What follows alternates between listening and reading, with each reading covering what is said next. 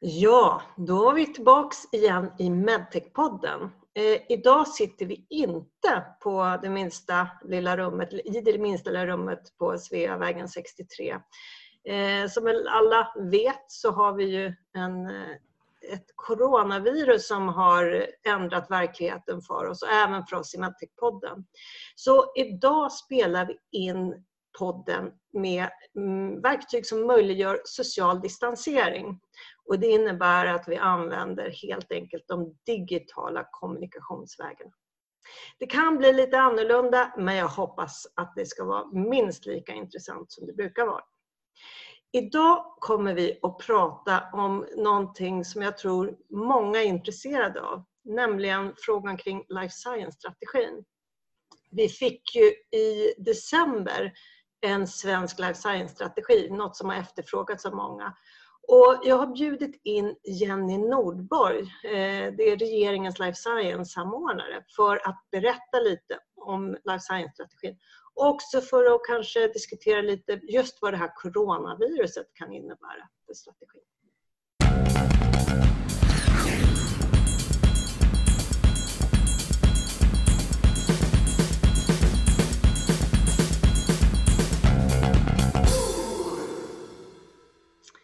Hejsan Jenny! Hej! Vad roligt att ha dig här, även om det är lite tråkigt att se dig som en liten bild på min skärm istället för att se dig i riktigt format i vår lilla studio. Ja, men man börjar ändå lite vänja sig. En digital kontakt är i alla fall en kontakt. Så är det. Eh, det är ju hur som helst jätteroligt att ha dig här och du kanske kan kort berätta vem du är och vad du gör i det vardagliga. Ja, som du inledde med att säga Anna, jag är regeringens nationella life science-samordnare och leder arbetet i life science-kontoret på regeringskansliet. Det är tre departement, social, näring och utbildningsdepartementet som jobbar ihop. Så på det sättet svarar jag för tre ministrar. Och de respektive statssekreterarna är också styrgruppen i mitt arbete. Och sen har jag gänget i samverkansgruppen eh, där du sitter med Anna, eh, som är min advisory board. Ja, precis. precis. Ja, det är väldigt, väldigt roligt med det här advisory board-arbetet ska jag säga. Men det som ju är extra roligt det är det, det här att vi har fått en life science-strategi i Sverige. Vi har ju från industrins sida efterfrågat det under en ganska lång period och i december så kom den äntligen. Men vad är den här life science-strategin egentligen och, och vad innebär den ur ditt perspektiv? Det är ju regeringens nationella strategi. Den ger en målbild och riktning att vi ska vara en ledande life science-nation. Och ta det här helhetsgreppet med att det handlar både om hälsa och konkurrenskraft. Och det är inte minst högaktuellt nu eh, i den pandemi som vi befinner oss i. Men det innebär ju inte att det i strategin finns massor med lösningar utan det finns eh, ambitioner och mål och det är ett tydligt uttryck att hela sektorn behövs och alla de aktörer som har ansvar för sin del måste vara med för att vi ska kunna kraftsamla inom life science. Vilka är fördelarna med att ha en strategi då? Varför är det viktigt?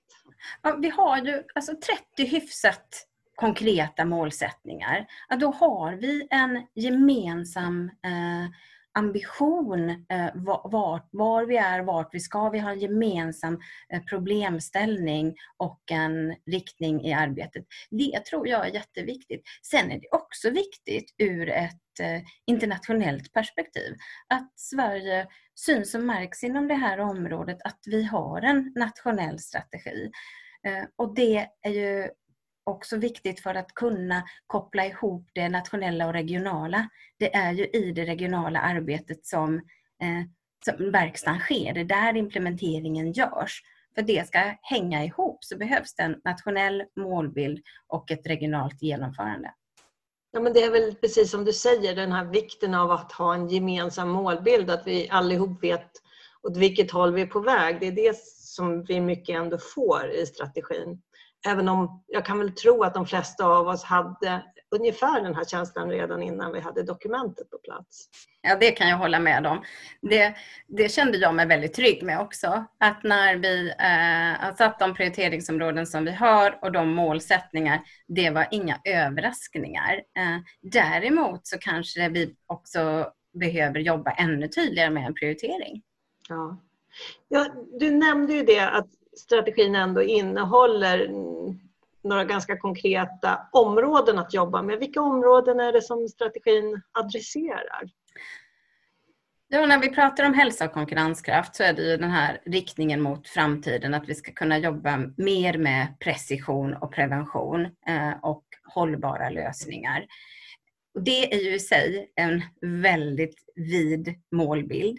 Eh, men vi har, eh, vi har åtta olika prioriteringsområden där vi pekar ut att det är samverkan som krävs. Vi behöver ha ett fortsatt eh, fokus på nyttiggörande av hälsodata.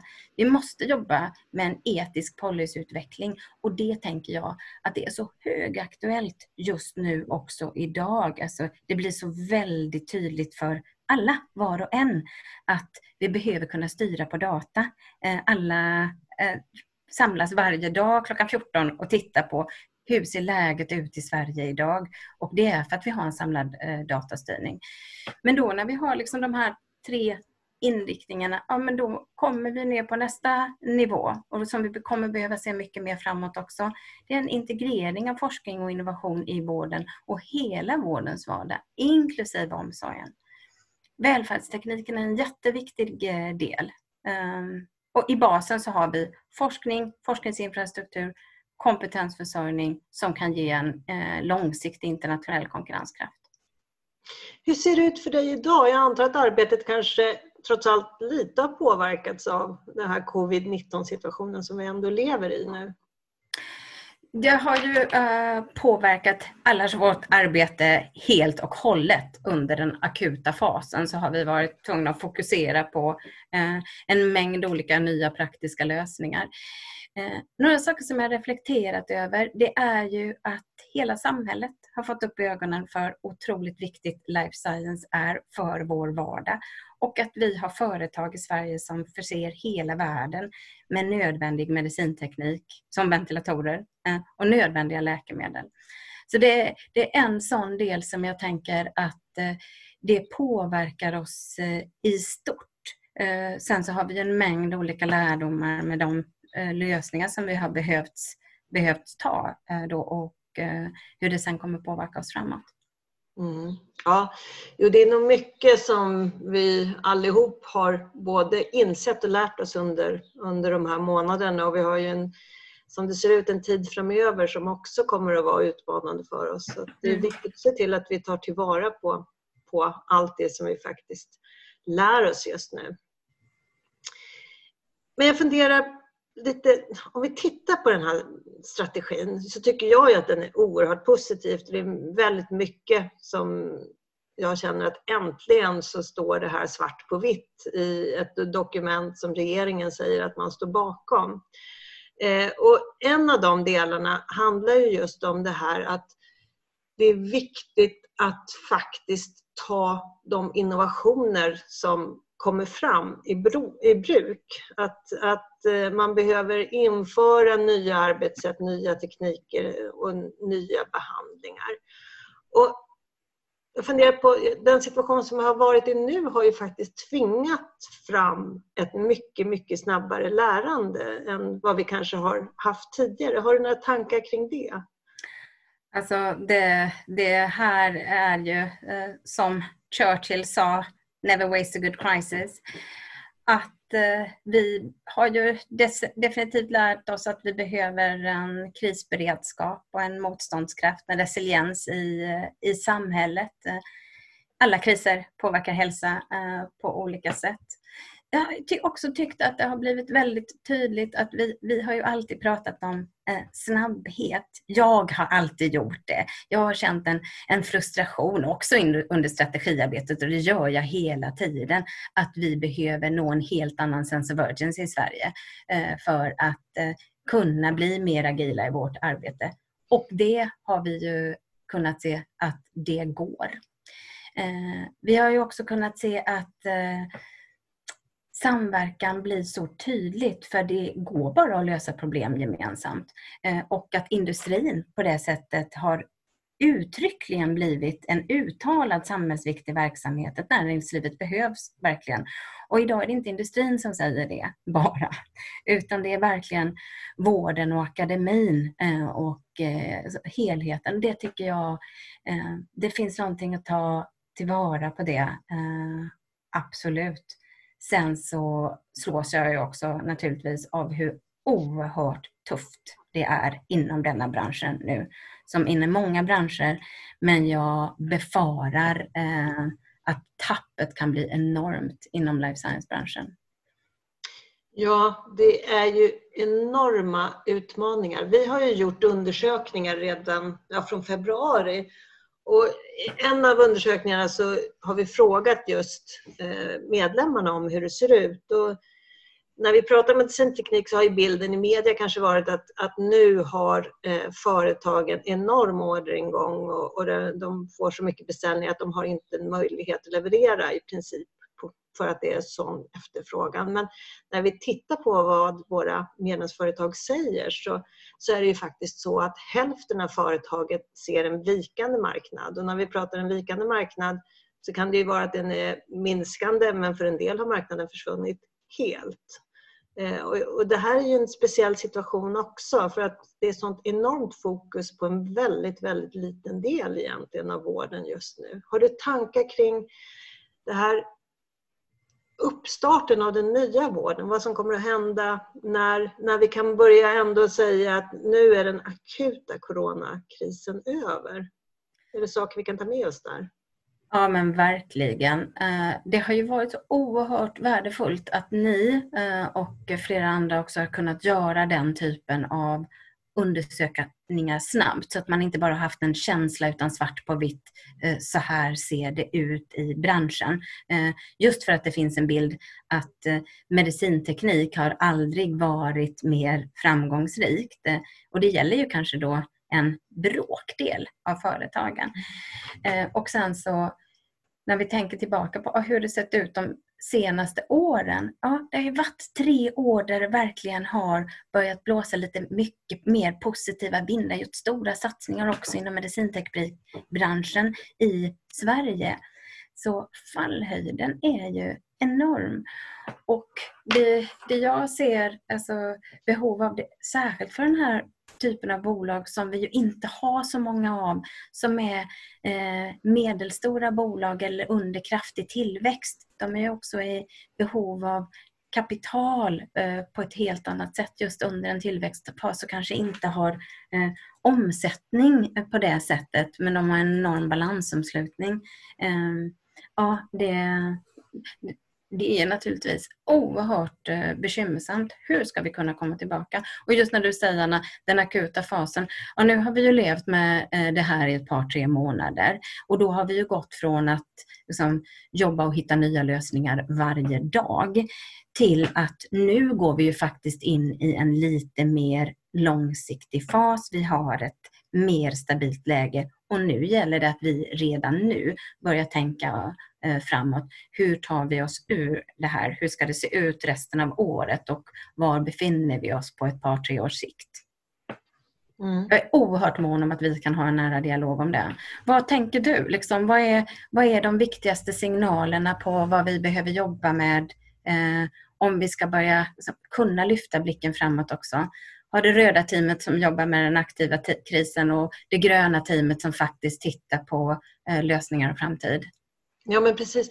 Jo för det är väl det som har varit väldigt tydligt tror jag för oss eh, i branschen att det har varit ett enormt fokus, vilket är självklart, men på eh, produkter och leverantörer som levererar skyddsprodukter och som levererar produkter till IVA framför allt. Eh, men vi har ju en situation där vi nu bygger upp en enorm vårdskuld. Och det är det som man varnar för mer och mer. Och, och problemet med den här vårdskulden är inte bara att vi behöver beta av det som inte har gjorts utan vi riskerar att faktiskt vårdbehovet har ökat för att vi har missat till exempel i screeningprogram och att människor som har haft symptom har valt att inte söka vård för att man tror att vården inte fungerar. Till exempel om man har hjärtproblem eller liknande. Och här är det enormt viktigt att förstå, tror jag, eh, både för regionen men även för, för er beslutsfattare i, i regeringskansliet, att den industri som ska förse vården med lösningarna även för den här typen av vård, eh, de företagen går just nu på sparlåga och de måste få väldigt tydliga signaler från vården att nu är vi på väg att öppna upp igen. För det är inte så att företagen står i standby eh, fullt eh, utrustade om man säger så, att, att kunna dra igång precis som det var innan. Utan man behöver en mycket, mycket bra dialog med företagen om vi ska få till det här. Jag vet inte hur du, hur du ser på det. Tror du att det är möjligt? För att många gånger har väl vi känt att det inte funkar alltid så bra med den här dialogen. Ja, men det, det kan jag verkligen eh, eh, säga att eh, också från, eh, från politiskt håll så finns det ett enormt intresse att ha en dialog. Att riktigt ha liksom, eh, örat mot rälsen hela tiden och eh, få uh, dagsaktuell input. Uh, jag känner det, jag, i mitt uppdrag så har jag ju uh, jag har ju uppdraget att ha en aktiv dialog med sektorn. Men jag har också tillfälle att hela tiden kunna lyfta upp de signaler som skickas och möjlighet att Eh, också ordna sådana direkta dialoger när så faktiskt krävs. Så jag ser fram emot att vi faktiskt ska kunna jobba eh, väldigt eh, interaktivt tillsammans med att lyfta de konkreta frågorna och lösningar som, eh, som faktiskt behövs. Nu när vi hade samverkansgruppens möte i veckan och vi pratade om life science-strategin eh, så känner jag mig väldigt trygg med att hela sektorn eh, från alla olika perspektiv, vården, akademin och industrin och patientperspektiv pekar på att det ramverk som vi har med de övergripande prioriteringarna, de ligger fast. Och att det kan vara en hjälp för oss att ta oss ur krisen. För alla lyfter fram eh, vårdskulden, eh, arbetet. Det kommer kräva en systemtransformation, för det var vi inne i innan och den blir eh, högaktuell nu eh, med en omställning mot precisionsmedicin, då behöver vi kunna investera i hållbara lösningar nu, inte bara för att lösa det akuta behovet utan för att också kunna eh, jobba vidare med vårdskulden. Eh, jag kan personligen känna mig jätteoroad när man ser hur den tidiga diagnostiken sätts på vänt. Det vet vi att det är en nyckelfaktor. Jag förstår att det måste vara så i dagsläget i vården. Eh, men det tror jag, där behöver vi ett eh, arbetssätt för att ta oss ur det eh, ganska snart. Så det, det tycker jag att vi eh, aktivt behöver jobba vidare med. Eh, så från företagens sida bara liksom, mm, att få eh, information om hur det ser ut Eh, både eh, i allmänhet och i konkreta exempel på eh, hur det ser ut för respektive företag idag och vad de skulle behöva är naturligtvis väldigt värdefullt. Men också en bild av så hur ser det, eh, hur kommer vi tillbaka till samhället? Vad är liksom, hur ser ett eh, återstartsplan ut? Hur kan vi använda strategin för en gemensam framriktning och prioritering? Ja men precis, precis. Just den här planen och att man kan på något sätt ändå ha en, en horisont där vi ser att förändringarna är på gång tror jag är jätte, jätteviktigt. Att, att man får, att man kan tidsätta lite grann. Men jag funderar på det också. För att en sak som vi har pratat väldigt mycket om och som ju har får man säga varit en av de positiva effekterna, om man får säga så, av den epidemi eller pandemi som vi befinner oss i. Det har ju varit utvecklingen vad gäller digitaliseringen av hälso och sjukvården. Eh, man kan väl se att, att det som har tagit ganska lång tid eh, fram tills nu och varit projekt som man har planerat på flera års sikt helt plötsligt eh, börjar kunna göras på månader och kanske till och med veckor i delar. Är det någonting så att säga, i det här som du ser att vi kan behålla eller tror du att när vi är ur krisen kommer vi då gå tillbaka till det gamla sättet att jobba? Vi kommer inte gå tillbaka till det gamla sättet att jobba.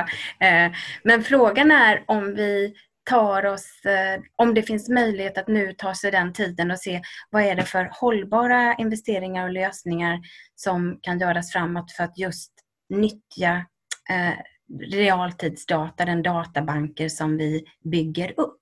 Eh, det vill jag jättegärna ha en dialog kring. Nu när vi gör så mycket eh, tester, IVD-tester både på virus och antikroppar, eh, den typen av information som vi samlas, vad samlas för eh, forskning och innovationsperspektiv, hur kan vi ha ett internationellt samarbete i det? Är vi med där på riktigt? Kan vi nyttja att vi är en stormakt inom datadriven innovation? Eh, hur säkerställer vi det? Vi har ju känt det och verkligen jobbat med, jobbat för och känt en frustration vad det gäller snabbheten i nyttiggörande av hälsodata. Eh, hur kan vi använda all den kunskap som vi har på dem, eh, den, och den förändringsbenägenhet som nu finns eh, för att faktiskt göra lite Alexanderhugg. Jag har inga lösningar kring det, men jag bara känner väldigt eh, starkt för att eh, investera i den dialogen.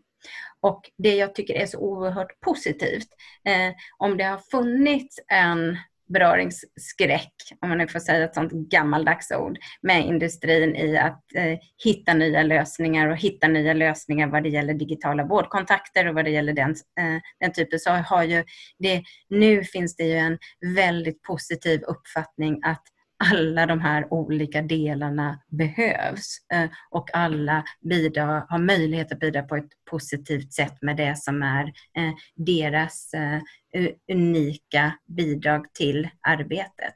Så det, det tror jag, det ska vi verkligen lyckas bevara och det tror jag fast, fullt och fast på. Mm.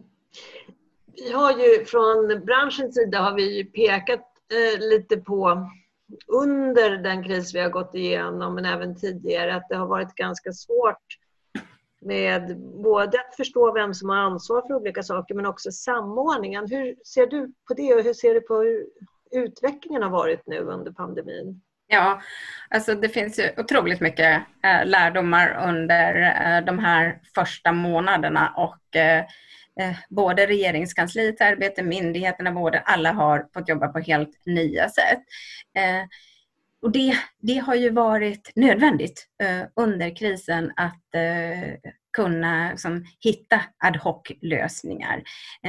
Men framåt, nu i fas två, så kan nog samordningen bli ännu bättre. Eh, och om vi kan gå liksom tillbaka mer till de etablerade infrastrukturerna eh, och nyttja så att vi skapar förändringen i de etablerade infrastrukturerna. Eh, så att förändringen inte sker i särlösningen och sen så går vi tillbaka till de etablerade infrastrukturerna och då är de lite som vanligt. Utan att förändringskraften också sker där. Det tror jag är superviktigt. Sen tror jag att vi kommer behöva blicka tillbaka och titta mycket på eh, den eh, krisberedskap och den krishantering eh, som har gjort och gör och de svaga sektorerna i hela vår vård och omsorgskedja har ju fått ljuset på sig på ett helt annat sätt. Ehm, där finns det ju lärdomar som görs redan nu men som vi definitivt behöver behålla för framtiden. Mm. Vad tycker du, om man tittar på de här både samverkan och, och vad enskilda parter har gjort. Vad är det som har varit riktigt positivt? Jag, jag tänker, jag menar, vi har ju till exempel medlemmar som har ställt om produktion och flyttat produktion till Sverige eh, och försökt att jobba väldigt nära både myndigheter och regioner. Eh, och det som har varit intressant det är att höra vilka skilda bilder de här företagen har. Vi har ja. några företag som är enormt positiva och tycker det har fungerat jättebra. Och sen har vi andra företag som är väldigt, väldigt frustrerande för att de tycker att det har fungerat eh, mycket, mycket sämre. Så. Och allt är ju sant, eh, för båda stämmer. Eh, och vi hade precis i början av krisarbetet så bjöd Eh, statsråden Baylan och Hallengren in eh, industrin till en samtal som handlade mycket om skyddsutrustning men också om eh, medicinteknikföretagen som var med där.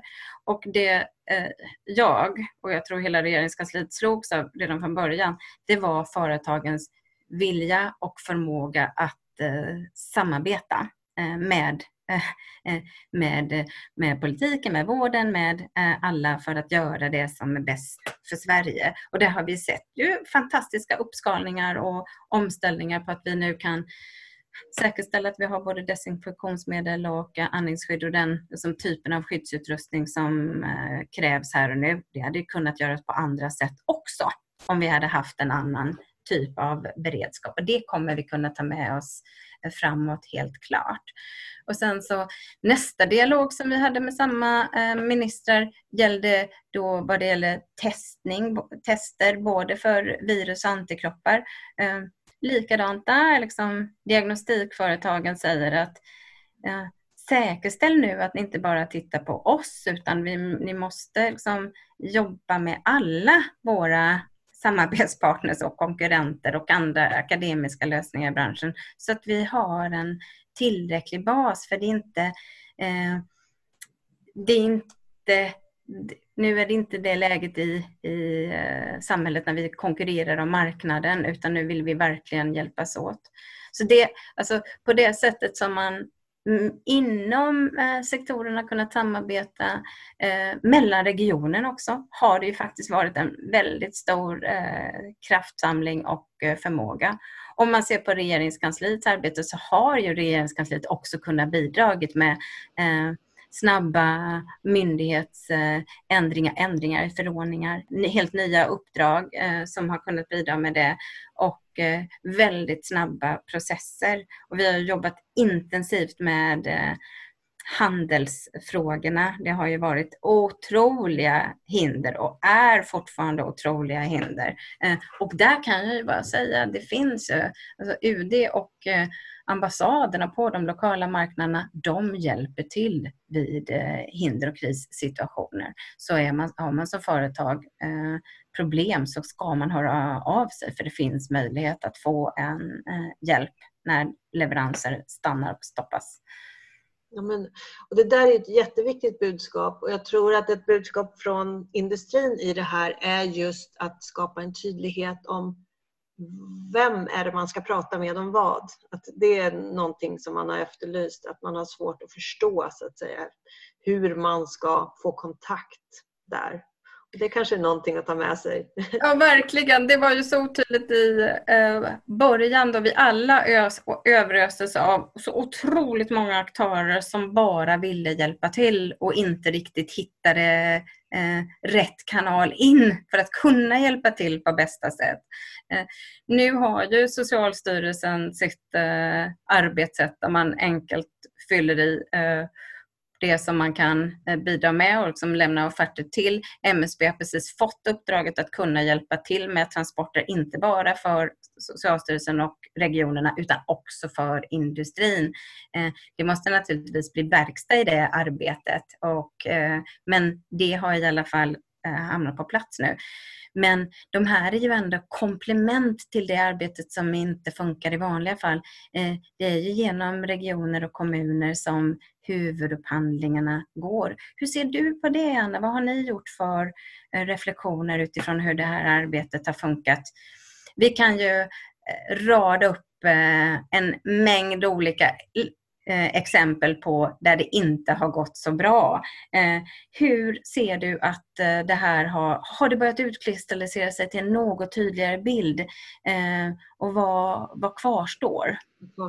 Nej, men jag tror det som vi, och jag tror att egentligen alla har insett, det är just det som du beskrev väldigt bra tidigare, att vi går från krismode så att säga ändå in till att vi börjar kunna jobba lite mer framåtriktat.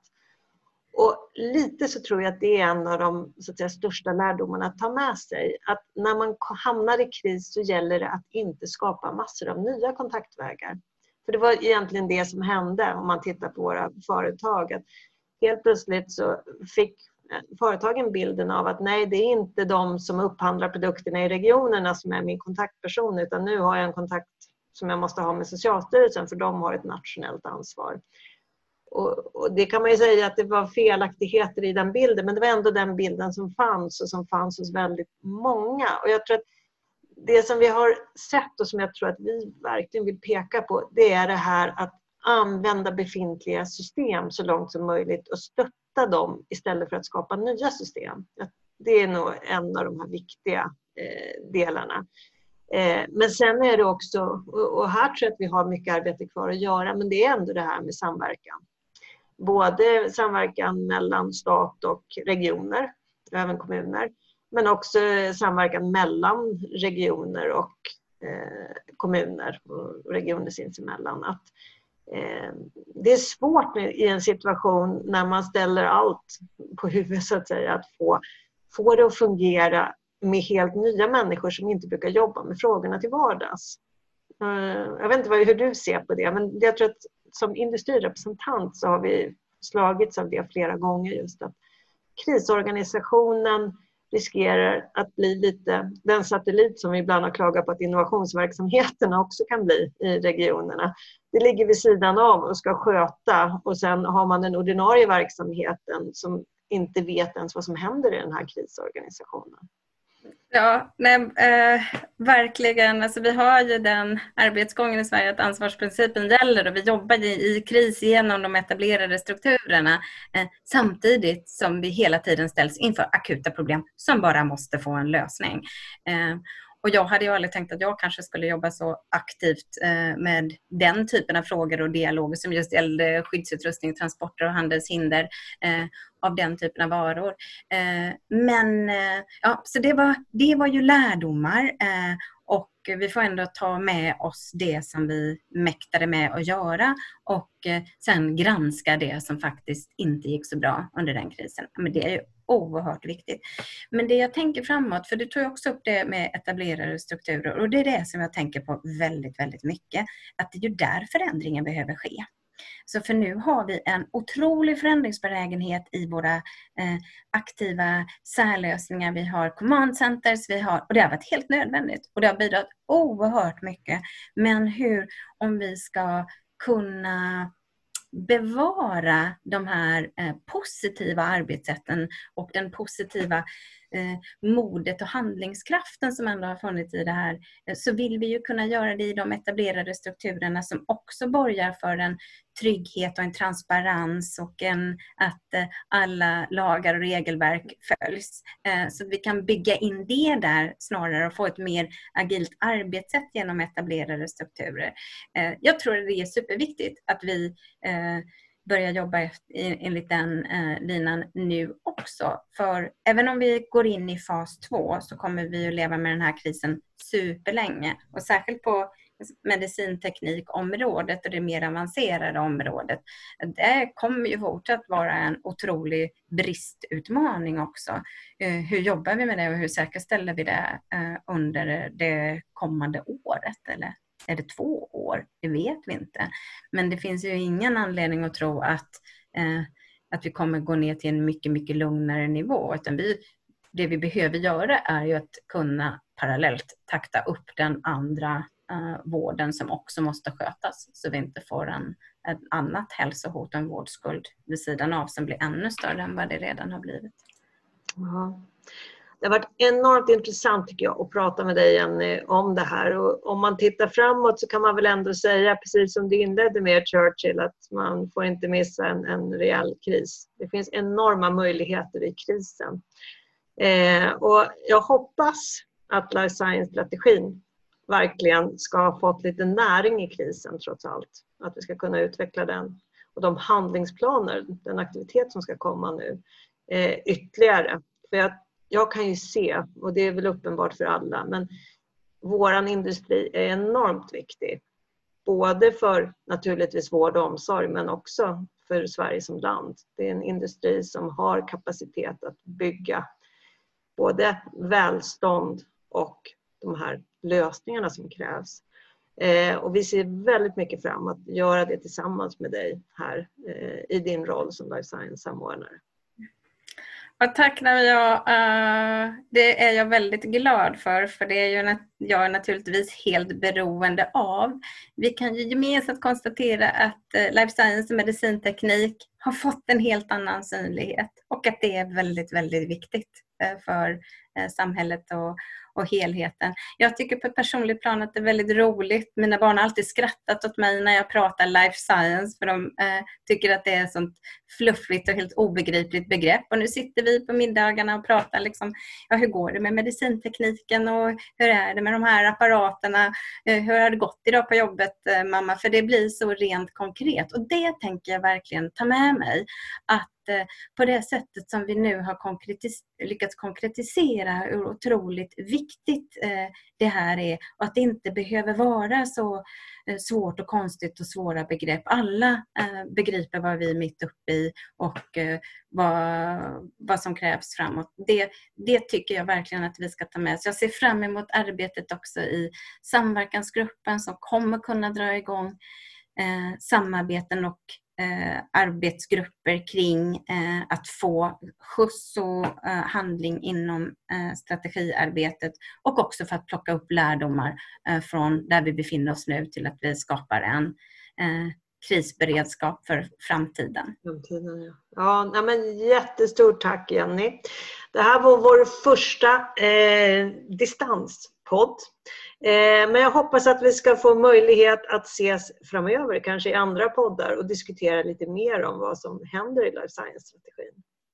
Det ser jag fram emot. Tack för idag. Hej! Tack, tack, hej.